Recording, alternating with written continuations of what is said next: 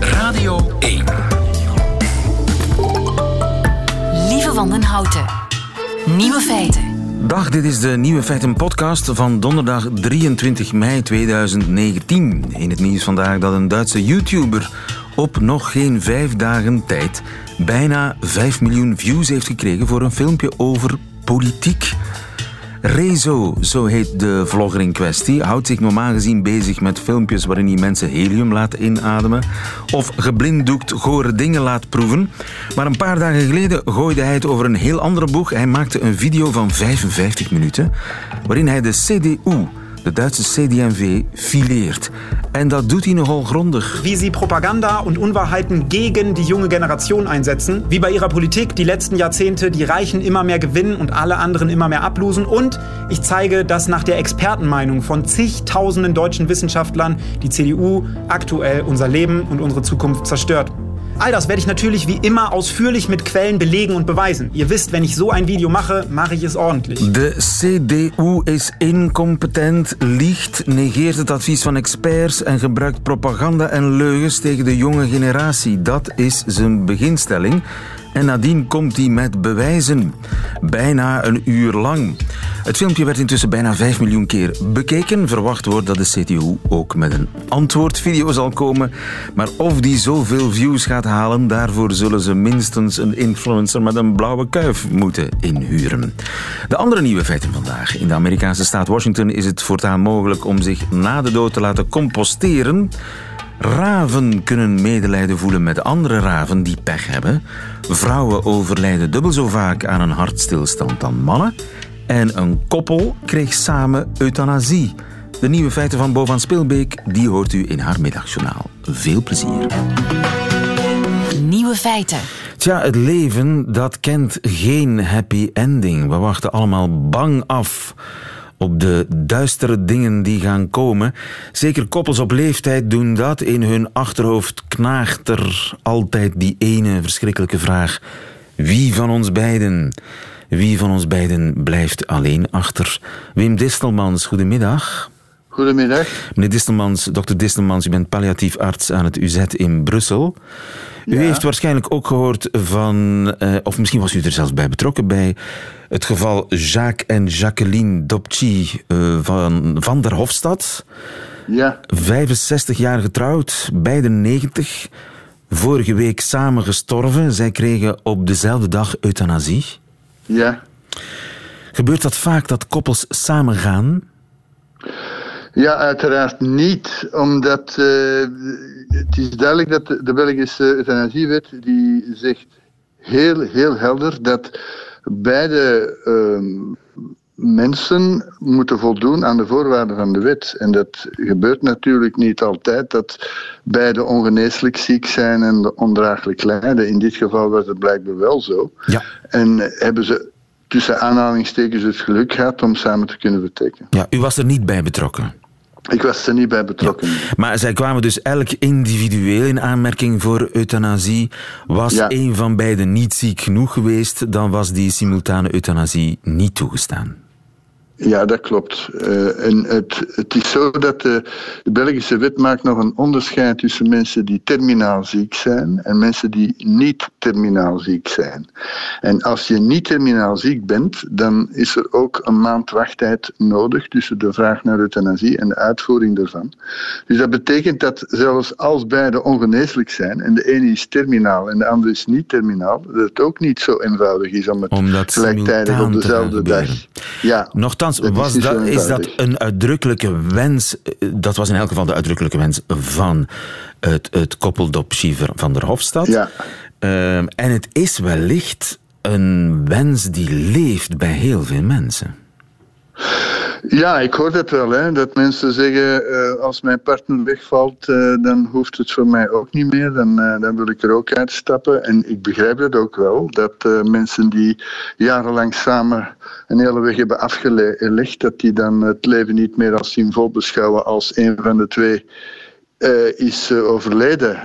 Ze worden als het ware geamputeerd. Hè, van, ja. van, uh, en ik begrijp dat wel, maar ja, wettelijk wordt dat op dit moment niet toegelaten. Dat is de wet. u heeft heel veel ervaring in deze materie. Zouden we de wet niet enigszins kunnen aanpassen zodat ja, koppels hele oude koppels waarvan de achterblijver eigenlijk zelf ook een, laten we zeggen, een twijfelgeval is, een randgeval, hulpbehoevend, daarom niet terminaal of ondraaglijk leidend. Zouden we ja. daar niet wat coulanter in kunnen zijn? Wel, ik, ik, denk dat dit zeker een maatschappelijk debat waard is. Hè. Dat, uh, wij, wij, noemen dat mensen die hun leven als voltooid beschouwen, dus uh, afgerond zien. En daar hoort vaak uh, het wegvallen van de partner bij. Als die weg is, dan zeggen ze ja, dan is mijn leven eigenlijk afgerond, dan wil ik niet verder. dat is een discussie die ook in Nederland op dit moment erg bezig is. Ja. Maar Eenvoudig is het niet, omdat we weten ook uit ervaring dat sommige mensen die zeggen, ja, als mijn partner er niet meer is, wil ik niet verder. Maar um, als die dan toch nog uh, verder leven, dan blijken sommigen na een paar maanden toch wel een nieuwe uh, drive gevonden te hebben, een nieuwe elan om, om verder te leven. Dus het, het, ik vind het zeer belangrijk om erover te discussiëren, maar ik heb er zelf niet een pasklare oplossing voor op dit moment. Zelfs u heeft daar geen pasklaar idee nee. over? Zelfs u twijfelt daar nog over. Uh, ik, uh, ik heb al veel mensen horen zeggen: ik wil ermee stoppen. En als die niet ongeneeslijk lijden, dan heb je ook geen medische alvast waar je kan op terugvallen. En als die dan zeggen: ik wil gewoon weg omdat ik hier maar zit te zitten. En wie weet nu met zekerheid dat dat onherroepelijk is, die wens? Dat, misschien dat die na twee, drie maanden van, van idee veranderen. En nogmaals, ik, ik voel mij daar zelf niet klaar voor om dan te kunnen zeggen: Oké, ik, ik zet het licht op groen en je kan gaan. Ik vind dat heel moeilijk. En als we die discussie is... openen, dan openen, openen we eigenlijk de discussie over het voltooid zijn van het leven als ja. reden tot euthanasie. Ja, en, en dat is iets wat zeker... in Nederland gespeeld heeft, of dat is een D66-voorstel, dacht ik, hè? Ja, klopt. Uh, men heeft daar een wetsvoorstelling gediend dat mensen vanaf de leeftijd van 75 jaar het recht moeten hebben om te kunnen zeggen: Mijn leven is afgerond, ik stop ermee. Uh, maar ook daar is men er niet uit. Men heeft dat voorstel niet tot wet gestemd. Uh, er is heel wat polemiek rondgekomen, omdat uh, een jong meisje van 19 jaar een zo'n dodelijk poeder via het internet heeft gevonden. heeft daar zelf een moord mee gepleegd en het heeft alles terug op losse schroeven gezet. Dus nogmaals, ik vind het een heel belangrijk maatschappelijk debat, maar uh, ik ben er zelf nog niet uit. Ja, want je kunt ook omgekeerd, je kunt voorbeelden noemen van mensen die er inderdaad toch nog doorgekomen zijn en een, een soort late bloei hebben gekend. Maar er zijn ook heel veel voorbeelden te noemen van precies het omgekeerde. Hè? Mensen die die ja, laatste, die laatste jaren dan echt kwijnend hebben doorgebracht. En dan zeg je achteraf. Was het niet mooier geweest? Want dat is natuurlijk een oude droom. Het is de liefdesdood. Hè? Het is samen eruit. Het is, ja. het is echt de enige mogelijkheid tot een soort van happy ending. Ja, maar eh, je moet wel uh, je ervan bewust zijn dat de wet op dit moment wel toelaat dat mensen die meestal op leeftijd diverse kwalen hebben, kwalen die op zich misschien nog niet zo erg zijn, maar als je daar een optelsom van maakt, dat het wel ondraaglijk lijden wordt. En die mensen komen wel in aanmerking voor euthanasie. Ik geef een voorbeeld: mensen die minder goed zien, minder goed horen, die concentratiestoornissen hebben, die televisie niet meer kunnen volgen, die incontinent zijn, zowel voor urine als voor uh, fecaliën, die hulp nodig hebben bij eten en drinken, die met een looprekje moeten zich verplaatsen.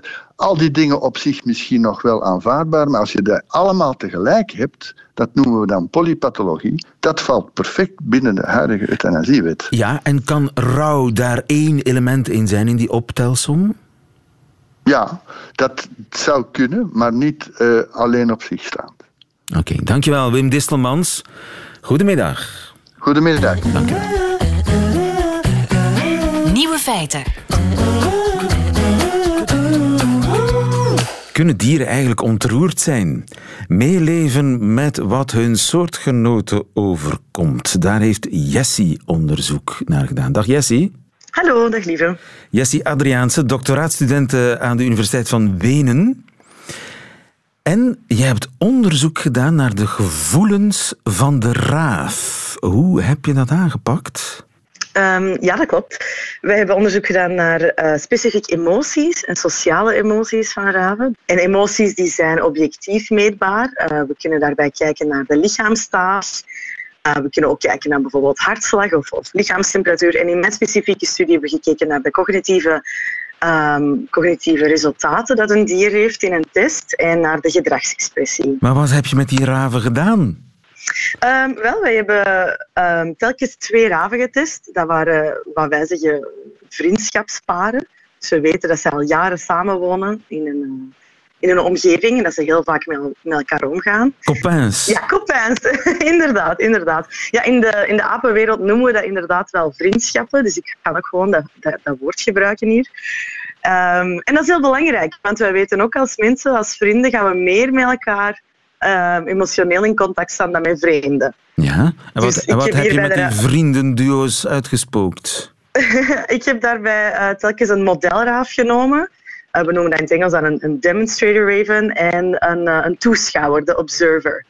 En um, de modelraaf, daar hebben we dan twee minuten lang, ik zal zeggen wijsgemaakt, dat we die een voedselbeloning gingen geven of dat we die voedselbeloning gingen wegnemen. Dus een soort van frustratie opwekken. Wat heb je met die raaf gedaan? Dus je hebt raaf 1 en raaf 2.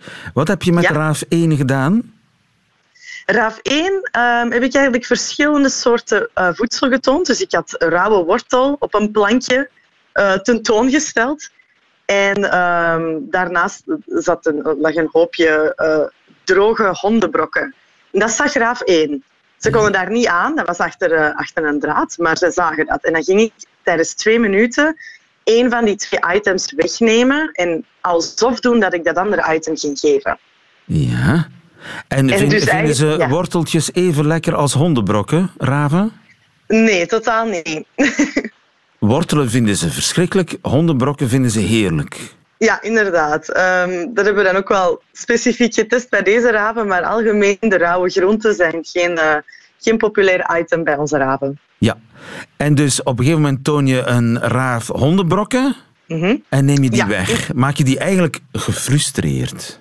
Ja, inderdaad. Want zij hebben net gezien van oké, okay, dat was een enorm hoop uh, enorm op eten dat ik heel lekker vind. En nu ga je dat wegnemen. Uh, dus we gaan die, die raaf in, in, een toestand brengen dat frustratie is of dat toch negatief gerelateerd is. Ja. En we tonen dan enkel nog uh, die worteltjes, uh, wat ze eigenlijk echt niet, niet prefereren.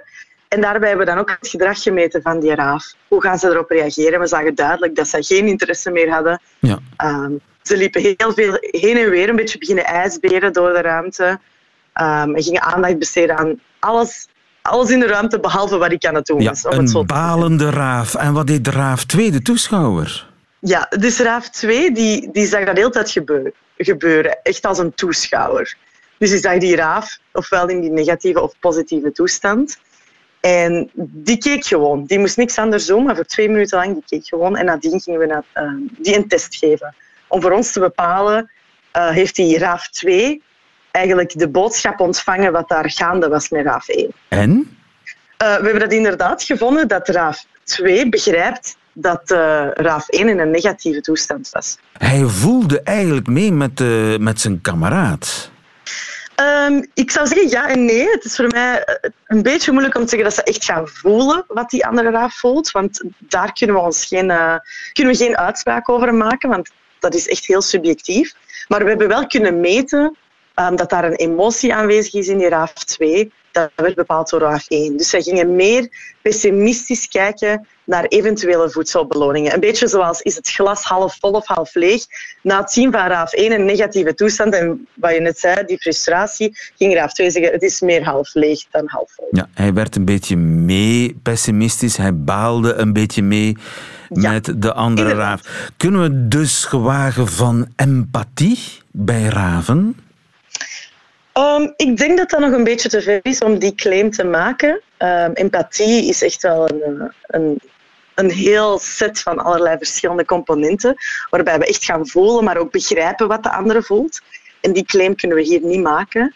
Maar we kunnen empathie wel onderdelen in verschillende componenten. En één daarvan is die emotionele overdracht wat ik nu bestudeerd heb. En dat is echt voelen wat de ander voelt. En dat is ook heel belangrijk dat je dat eerst hebt, voordat je verder kan gaan en kan zeggen, nu kan ik mij inbeelden wat de ander voelt. Ja, maar het zijn hele slimme beesten, hè, raven. Heel sociale beesten. Ja, inderdaad, inderdaad. En ze waren daarom ook het, het geschikte uh, dierenmodel om mee samen te werken, omdat zij zo fascinerend zijn.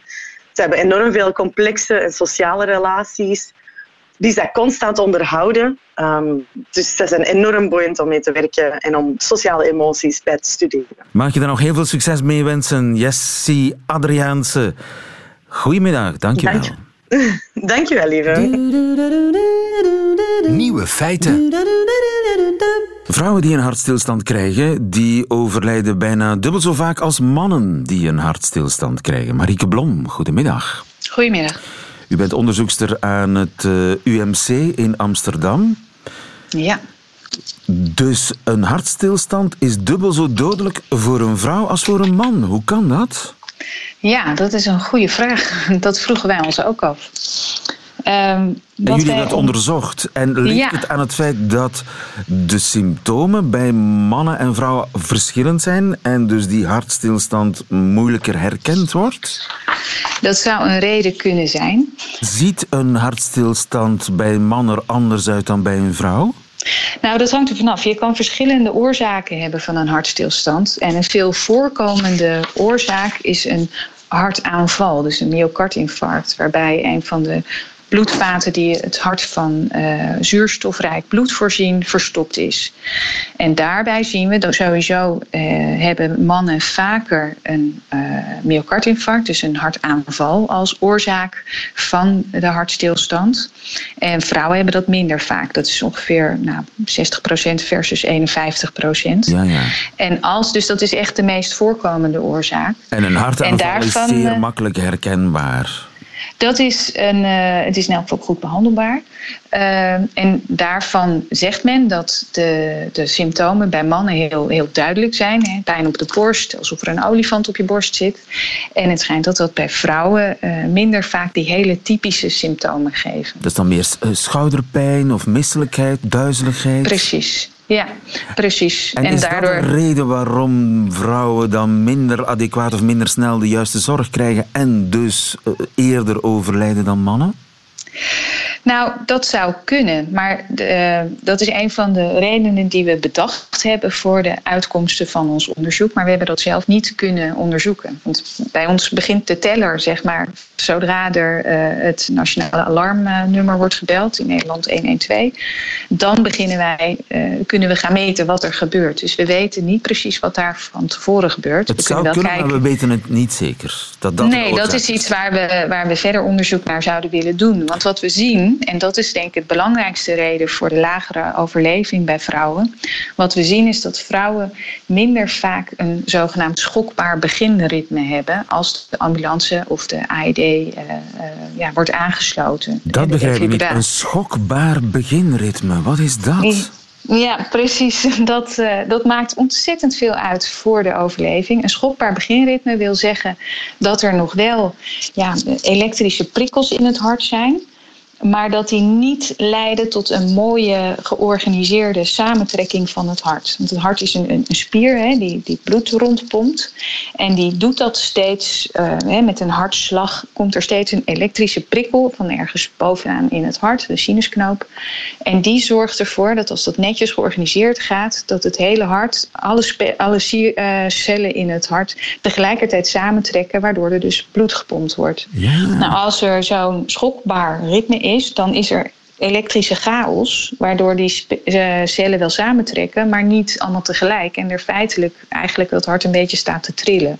En er niet zo heel veel gebeurt. En dan heb je dus een hartstilstand en een circulatiestilstand. En het is zo gevaarlijk omdat er dan geen zuurstofrijk bloed meer wordt rondgepompt. En dan komt er dus ook geen zuurstof meer naar het brein. En dan ja, verlies je bewustzijn het ja. gevolg van dien. En dus die elektrische chaos, als ik dat zo mag ja. noemen, dat is iets mannelijks. Nee. Ja, en dat is positief, want dat kan je met een AED, zo'n zo'n zo'n eh, ja, klapkastje zoals dat wel wordt genoemd, of door een defibrillator van de ambulance. Die kunnen een schok geven en daarmee leg je de, de elektrische chaos plat en kan die, die sinusknoop, zeg maar de dirigent van het hart, kan weer proberen het ritme, het goede Oh ja. ritme over te krijgen. En wat is dan, dan- de situatie bij vrouwen? Nou, bij, eh, bij mannen hebben ongeveer eh, de helft van de, de, de slachtoffers zo'n schokbaar beginritme. En dan is je prognose best heel goed dat je het overleeft. Maar bij vrouwen is dat maar 34 procent. En dan is je uitgangssituatie gewoon al zo heel veel minder. Ja. En dat is wat mij betreft de grootste eh, reden, en dat blijkt ook uit ons onderzoek, waarom vrouwen dat minder goed eh, doen, eh, het overleven. Juist, ja. Dus dat hart bij vrouwen dat is volledig stilgevallen. Je hebt zelfs geen elektrische chaos waarmee je kunt werken. Ja, dat is in een, in een groter deel bij vrouwen is dat het geval. Dus 30% of 34% heeft het nog wel hoor. Maar Ja. eh, in een groter deel is er dus inderdaad geen, geen elektrische activiteit of veel te langzaam. Dat is bizar, niet dat. Dus een vrouwenhart is anders dan een mannenhart. Eh, Een beetje nou, wie anders. weet. wie weet. Het kan, je kan enerzijds zeggen dat het eh, door biologische verschillen zou kunnen zijn. Het kan ook zijn dat, ja, dat vrouwen toch eh, in de symptomen minder goed worden herkend. Of dat omstanders minder snel denken aan een hartstilstand. Waardoor er later naar het alarmnummer wordt gebeld. Waardoor tegen de tijd dat er een defibrillator wordt aangesloten. Het, het schokbare ritme al is uitgedoofd. Zeg maar. Dat zou die- ook die- een verklaring dat kunnen kan zijn, ook. uiteraard. Ja, dus daar moeten we nog verder in. Er zou dus wel degelijk een miniem verschil kunnen zijn tussen een mannenhart en een vrouwenhart. Dat zou kunnen, ja. Dankjewel, Marieke Blom. Goedemiddag. Goedendag. Nieuwe feiten. En we gaan nog even door op het treurige pad, want eh, over de dood wilt u eindigen als twee kruiwagens compost misschien. Ik vraag het u maar, want in de Amerikaanse staat Washington kan het vanaf nu. Dag Koen. Hey, goedemiddag. Koen Roygens, moet ik zeggen, Ja, klopt. van Ja. Stichting Metamorfose. Ja, ik ben vrijwilliger voor die stichting. eh.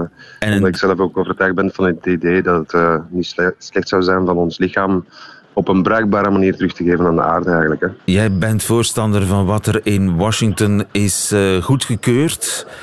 Eh, het is te zeggen, Recompose is een net iets ander concept dan wij het hebben. Het is eh, verder van de natuur af. Het is namelijk één gebouw. Het lichaam zou in een sarcofaag worden gestoken, vervolgens in een, eh, eh, geplaatst worden in een verwarmde ruimte eigenlijk, om het proces van eh, composteren te versnellen.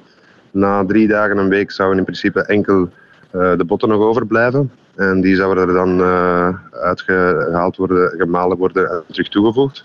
En het, proces, het volledige proces zou een maand duren bij hun. Ja, een ja. enorme snelle decomposities en eigenlijk ver van natuurlijk. Een beetje te vergelijken met, eh, met de microgolf van een gewone oven eigenlijk. Waar wij bijvoorbeeld drie maanden nodig hebben, eh, kunnen zij dat in drie dagen een week met ja, aangepaste processen. Je lichaam komt in een soort composteringsapparaat terecht. Ja, bij Dus is dat het geval. In een cirkel. Dus eh, even terug naar Washington, want ik wil eerst even heel, heel helder hebben wat er in Washington. Overigens, is dat een primeur? Gebeurt dat op nog plaatsen? Eh, dat of- is een primeur, hè? Dat is een primeur. Dus Eh, voor het hebben eigenlijk tot nu toe zes mensen wetenschappelijk kunnen testen eigenlijk, om te zien wat er gebeurt en het, het proces te certifiëren.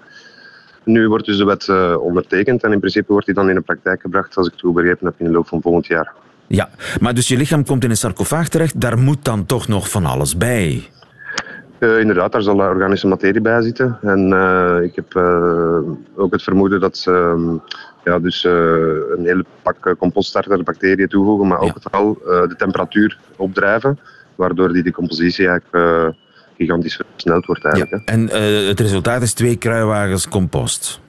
Dat is het resultaat, wat eigenlijk een, een mooi resultaat is, want op, op zijn minst is je lichaam omgezet in iets levend en kan je het ook levend teruggeven aan de toplagen van, eh, van de aarde. Want eigenlijk al het leven speelt zich af op de toplaag van, eh, eh, de aarde in de grond leeft niks. Dus wat we doen met begraven is bijzonder onzinnig, want er komt eigenlijk niks terug in de cyclus van het leven. Ja, terwijl op die manier komt er wel van alles terug in, in de... Dus Voilà. je, je bent eigenlijk... Je geeft leven na dus je dood. leeft, leeft leven na je dood. Maar Dat is het eigenlijk immunisatie nog een stap verder gaan. Ja, jullie vinden eh, het, het systeem Washington eigenlijk nog niet ver genoeg gaan. Of tenminste, het, het is nog niet natuurlijk genoeg.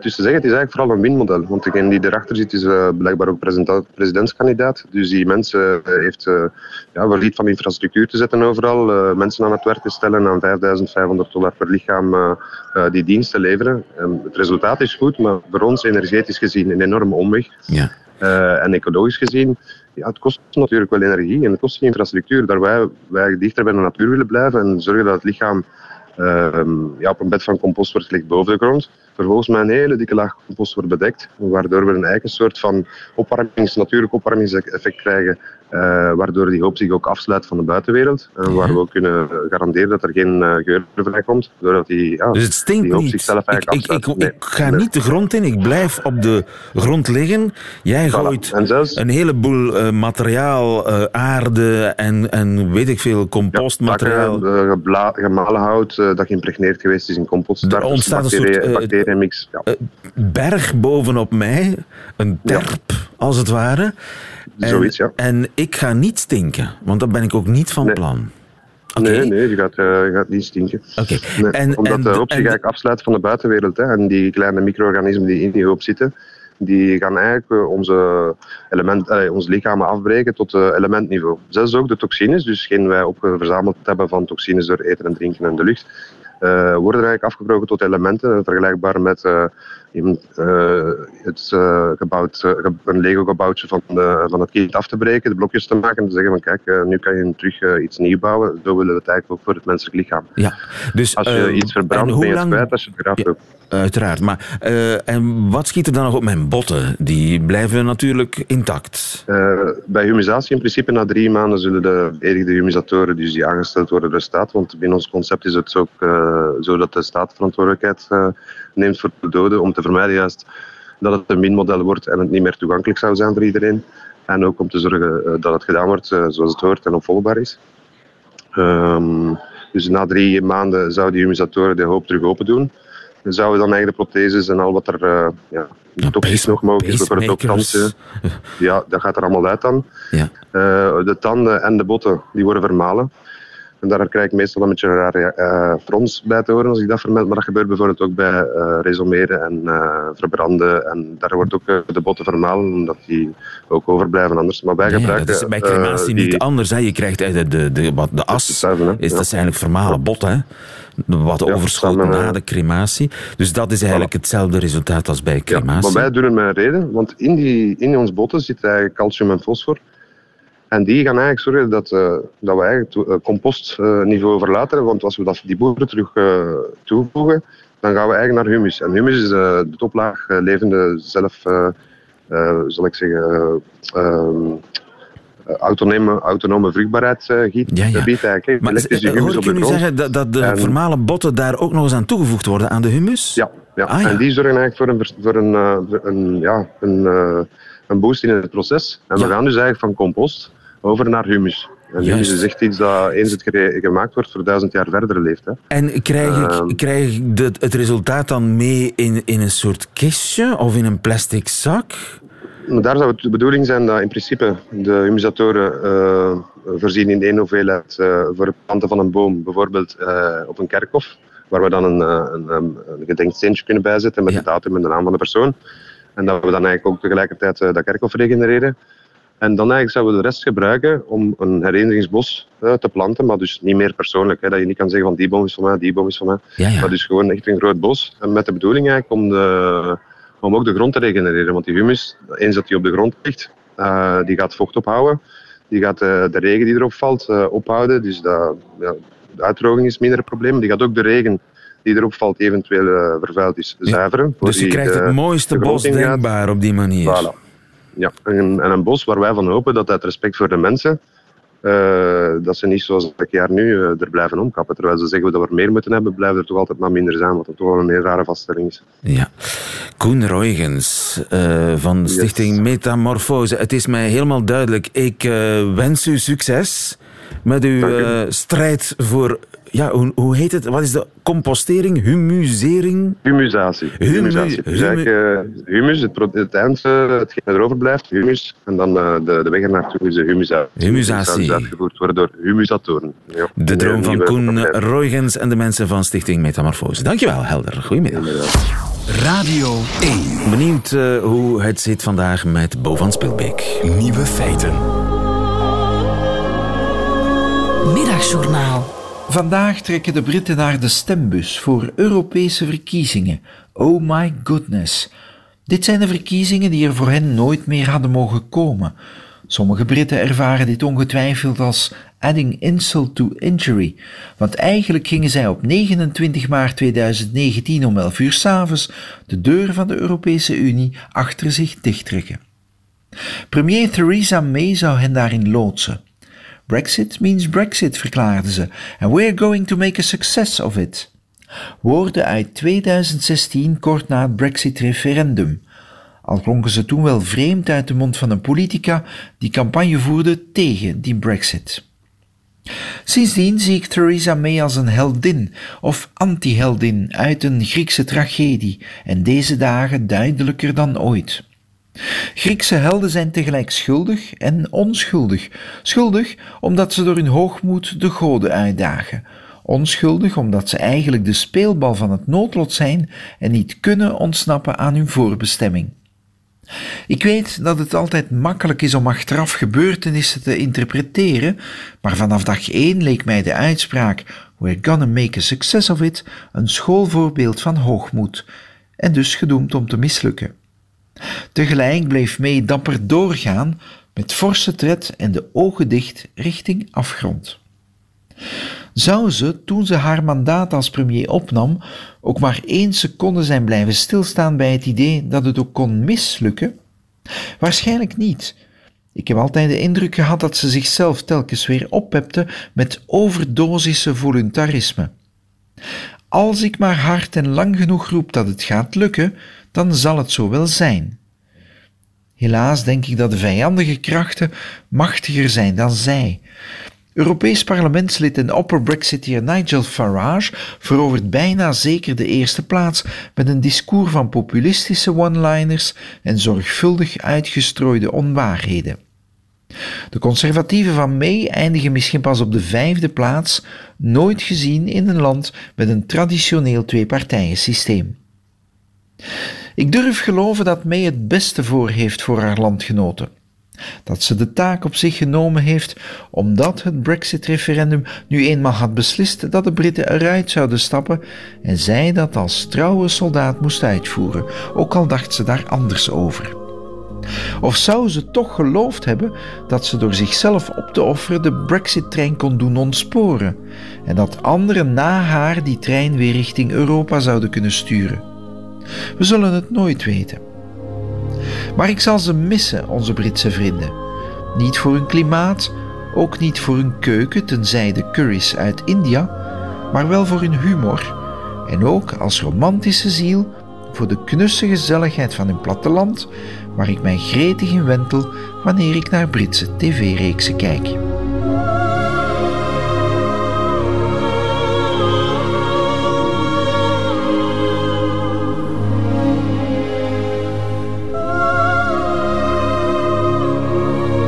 Speelbeek in het middagjournaal. Einde van deze podcast. Maar u vindt er nog veel meer op radio1.be en op de gebruikelijke podcastkanalen. Tot volgende keer.